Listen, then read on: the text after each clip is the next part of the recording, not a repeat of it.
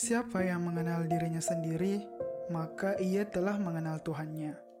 Kalau lo sedang stres dan gak mampu melampiaskan emosi stres yang lo punya, atau lo mencoba menyimpan semuanya, pada akhirnya suatu saat lo akan mencapai titik puncak emosi.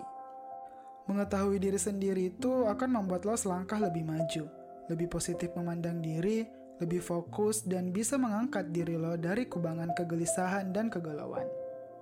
Memahami diri sendiri itu nggak harus kok selalu berkaitan dengan mencari bakat, terus kerja, terus sukses. Tapi lebih dari itu, memahami diri sendiri bisa membuat kita lebih siap menghadapi tekanan, lebih siap dengan kondisi-kondisi yang bikin kita tertekan.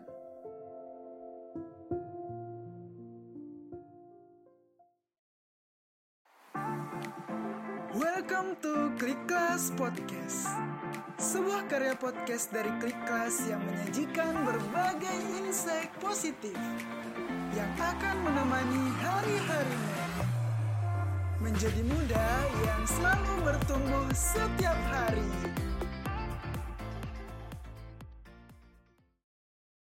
Halo Clickers, Assalamualaikum warahmatullahi wabarakatuh.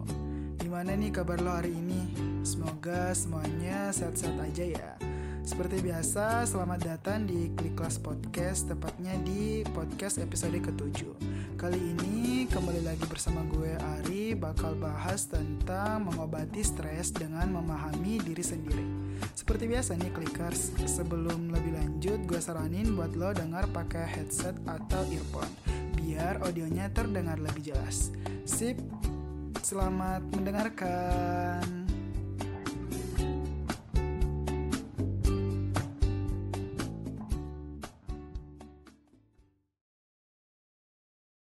Lo pernah gak sakit gak jelas, udah ke dokter, eh ternyata gak ada apa-apa.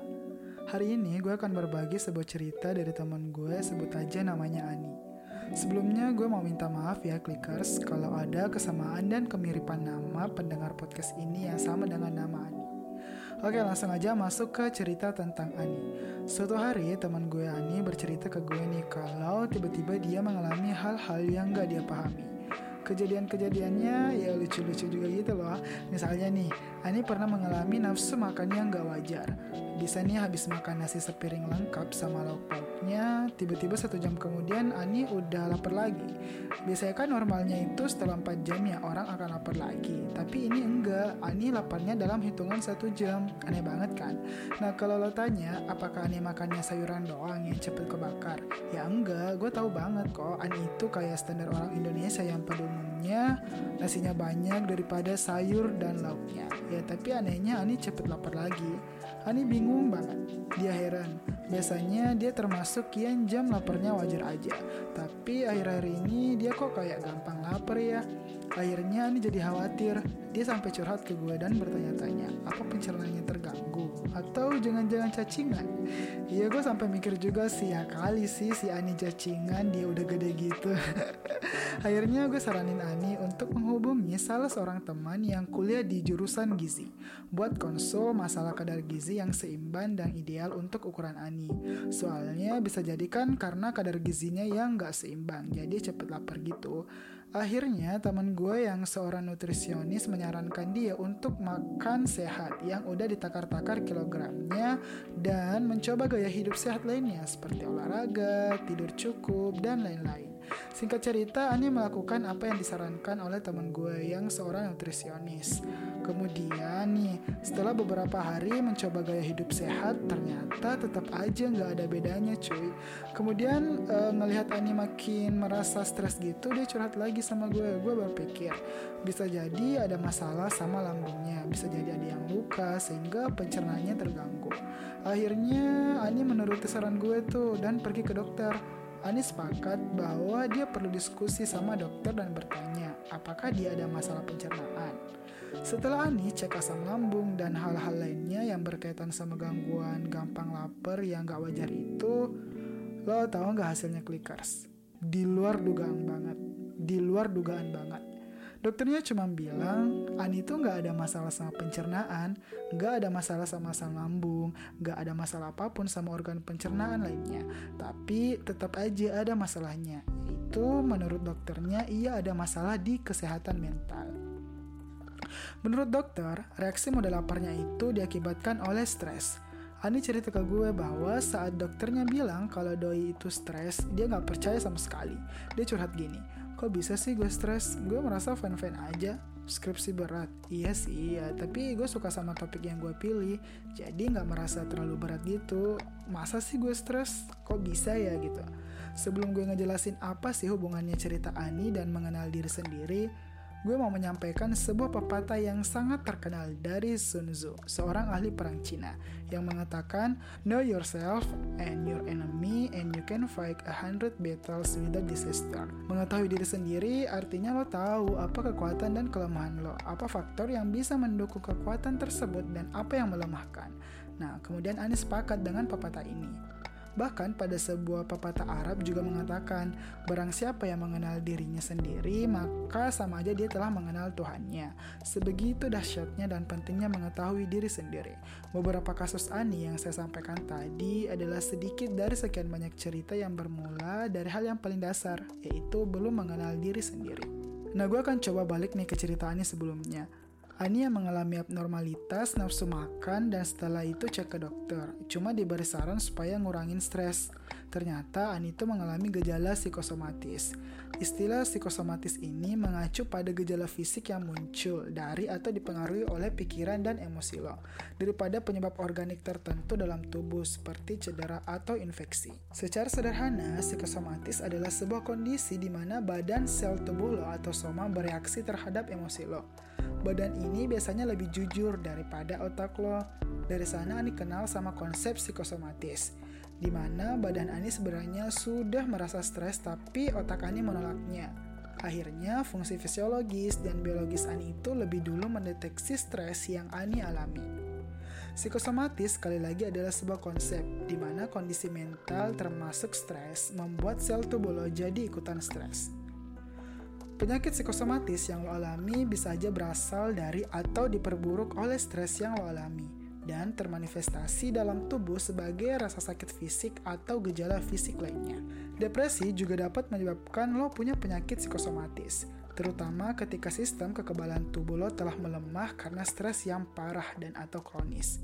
Oke, mungkin lo nggak mempelajari semua tanda stres, tapi mempelajari gejala umumnya, misalnya memahami kapan lo berada di bawah tekanan yang ekstrim dan harus segera menghindari tekanan itu, dapat membantu lo mengurangi yang namanya psikosomatis. Setelah lo mengidentifikasi tanda-tandanya, lo dapat bekerja untuk mengurangi efek stres pada kesehatan lo. Gue akan kasih analogi nih dengan alat memasak nasi atau yang dikenal dengan rice cooker.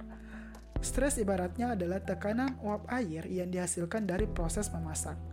Kalau lo lihat-lihat lagi nih clickers, setiap rice cooker itu kan menyediakan saluran supaya uap airnya keluar. Nah, kalau uap air ini tuh nggak keluar, akan terjadi tekanan udara yang nggak stabil di dalam rice cooker. Efeknya apa? Bisa aja rice cooker ini akan meledak di bagian-bagian yang paling lemah. Seperti rice cooker yang melemah pada titik terlemah dari strukturnya, penyakit yang berhubungan dengan stres kemungkinan besar akan berkembang di mana tubuh lo sudah melemah atau titik organ terlemah lo. Kalau lo sedang stres dan gak mampu melampiaskan emosi stres yang lo punya, atau lo mencoba menyimpan semuanya, pada akhirnya suatu saat lo akan mencapai titik puncak emosi. Ini dapat muncul sebagai gejala fisik atau memicu episode depresi berat. Lo mungkin menyadari bahwa ada beberapa tanda peringatan atau petunjuk bahwa gejala stres itu datang, terutama dalam hal gejala fisik yang lo alami. Misalnya, kalau leher lo selalu menjadi kelemahan fisik lo, lo mungkin merasa nyeri leher, meningkat saat stres, sakit punggung, sakit perut, dan sakit kepala makin menjadi-jadi saat lo banyak tekanan. Karena mungkin punggung, perut, dan kepala merupakan area terlemah di tubuh lo. Bisa aja kayak Ani, yang emang udah punya bawaan sakit pencernaan. Jadi saat Ani diserang stres, yang kena adalah bagian pencernaan duluan, misal merasa lapar terus. Ada juga yang lemah di pernapasan. Kalau stres jadi mudah sesak napas. Psikosomatis ini memang menyerang barikade tubuh terlemah lo, sehingga tubuh lo akan jadi mudah sakit di area paling lemah. Stres juga dapat merusak kekebalan imun. Beberapa teman curhat, kalau stres datang, mereka jadi gampang kena flu atau pilek. Orang yang stresnya tinggi juga mudah kena infeksi atau membutuhkan waktu lebih lama untuk sembuh. Jadi, lo paham kan, kenapa supaya tetap sehat, orang perlu happy. Jika dokter lo nggak dapat menemukan penyebab fisik yang jelas dari rasa sakit yang lo alamin, ya dokter akan beralih ke analisis emosi. Nah, kalau nggak ada penyebab fisik yang jelas atau nggak ada gangguan fisik sama sekali, bisa jadi lo kena psikosomatis. Dari peristiwa Ani ini, Ani jadi paham bahwa selama ini Ani belum benar-benar tahu apa warning dan indikator tubuhnya kalau lagi stres. Setelah Ani flashback ke masa-masa Ani sekolah, ternyata Ani pernah ngalamin psikosomatis beberapa kali dan itu parah-parah banget. Misalnya, dulu Ani pernah gatal-gatal di bagian dagu doang. Pas ke dokter kulit, dokternya cuma bilang kalau si Ani lagi stres. Ani juga pernah mengalami sakit di organ dalam sampai harus ke dokter pencernaan pas mau ujian. Dari kejadian ini, Ani jadi tahu kalau sebenarnya badan kita tuh sering ngasih sinyal kalau kita sedang tertekan. Dari kejadian ini, Ani jadi tahu hadirnya penyakit-penyakit yang setelah diperiksa secara medis itu nggak ada gangguan apa-apa, yaitu bisa jadi sumbernya di mental yang kita alami.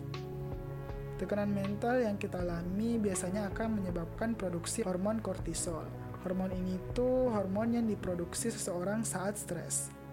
Kortisol ini adalah hormon yang kalau terlalu banyak akan menyebabkan ketidakseimbangan dalam tubuh kita. Kortisol ini bagian penting dari respons tubuh terhadap stres dan bisa sangat berguna buat ngasih tahu kalau lo lagi stres. Dia mau ngasih tahu lo kayak gini, woi istirahat woi, woi lu lagi stres, udahan, udah dulu gitu. Namun, jika tubuh lo memiliki jumlah kortisol yang tinggi atau dilepaskan secara terus-menerus dalam jangka waktu yang lama, hormon kortisol ini jadi lebih berbahaya daripada baiknya. Dengan memahami konsep psikosomatis, akhirnya sekarang Ani lebih bisa deteksi dan segera bertindak cepat saat gejala sakit fisik itu enggak terjelaskan. Nah, saat gejala ini muncul, lo perlu analisis sumber stresor terberat lo itu di mana setelah lo mengetahui dan telah mengidentifikasi sumber stres dalam hidup lo, langkah selanjutnya adalah mempelajari mekanisme cara menghadapi stres itu. Salah satu yang paling pertama dan paling penting adalah menghindari psikosomatis, yaitu jangan menahan perasaan lo. Seperti rice cooker, uap yang tertahan di dalam idealnya harus keluar.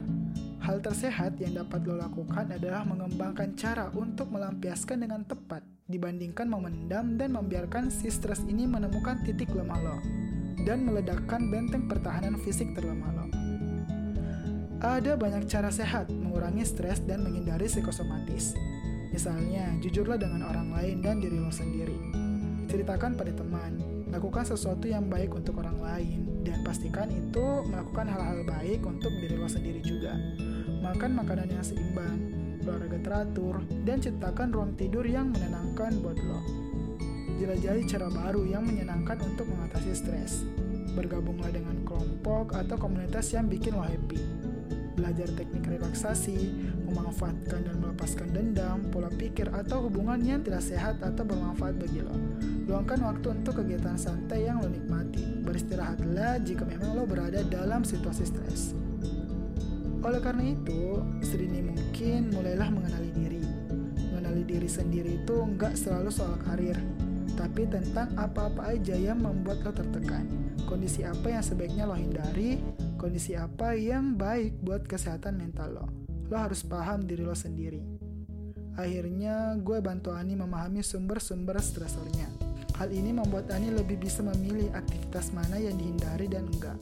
Terus Ani juga tahu kapan Ani harus stop saat indikator stres tubuh Ani mulai muncul.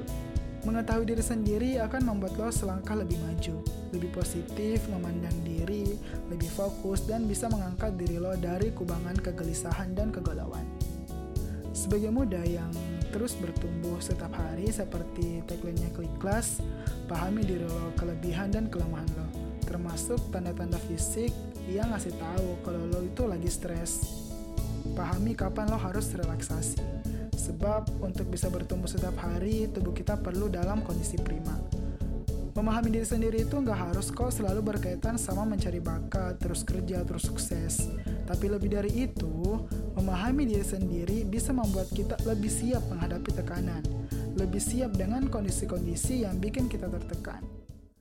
Di podcast selanjutnya, gue akan menceritakan lebih jauh tentang pentingnya memahami diri sendiri dalam berbagai sisi kehidupan manusia dan bagaimana memahami diri sendiri berkaitan dengan proses menerima diri sendiri dan bertumbuh menjadi pribadi yang lebih positif.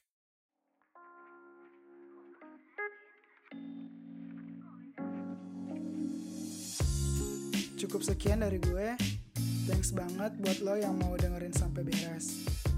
Gue lagi butuh banget nih feedback lo tentang kelas podcast ini. Lo bisa langsung berkunjung di Instagram at klik.class. Di sana banyak juga insight positif lainnya. Sekali lagi, gue Ari.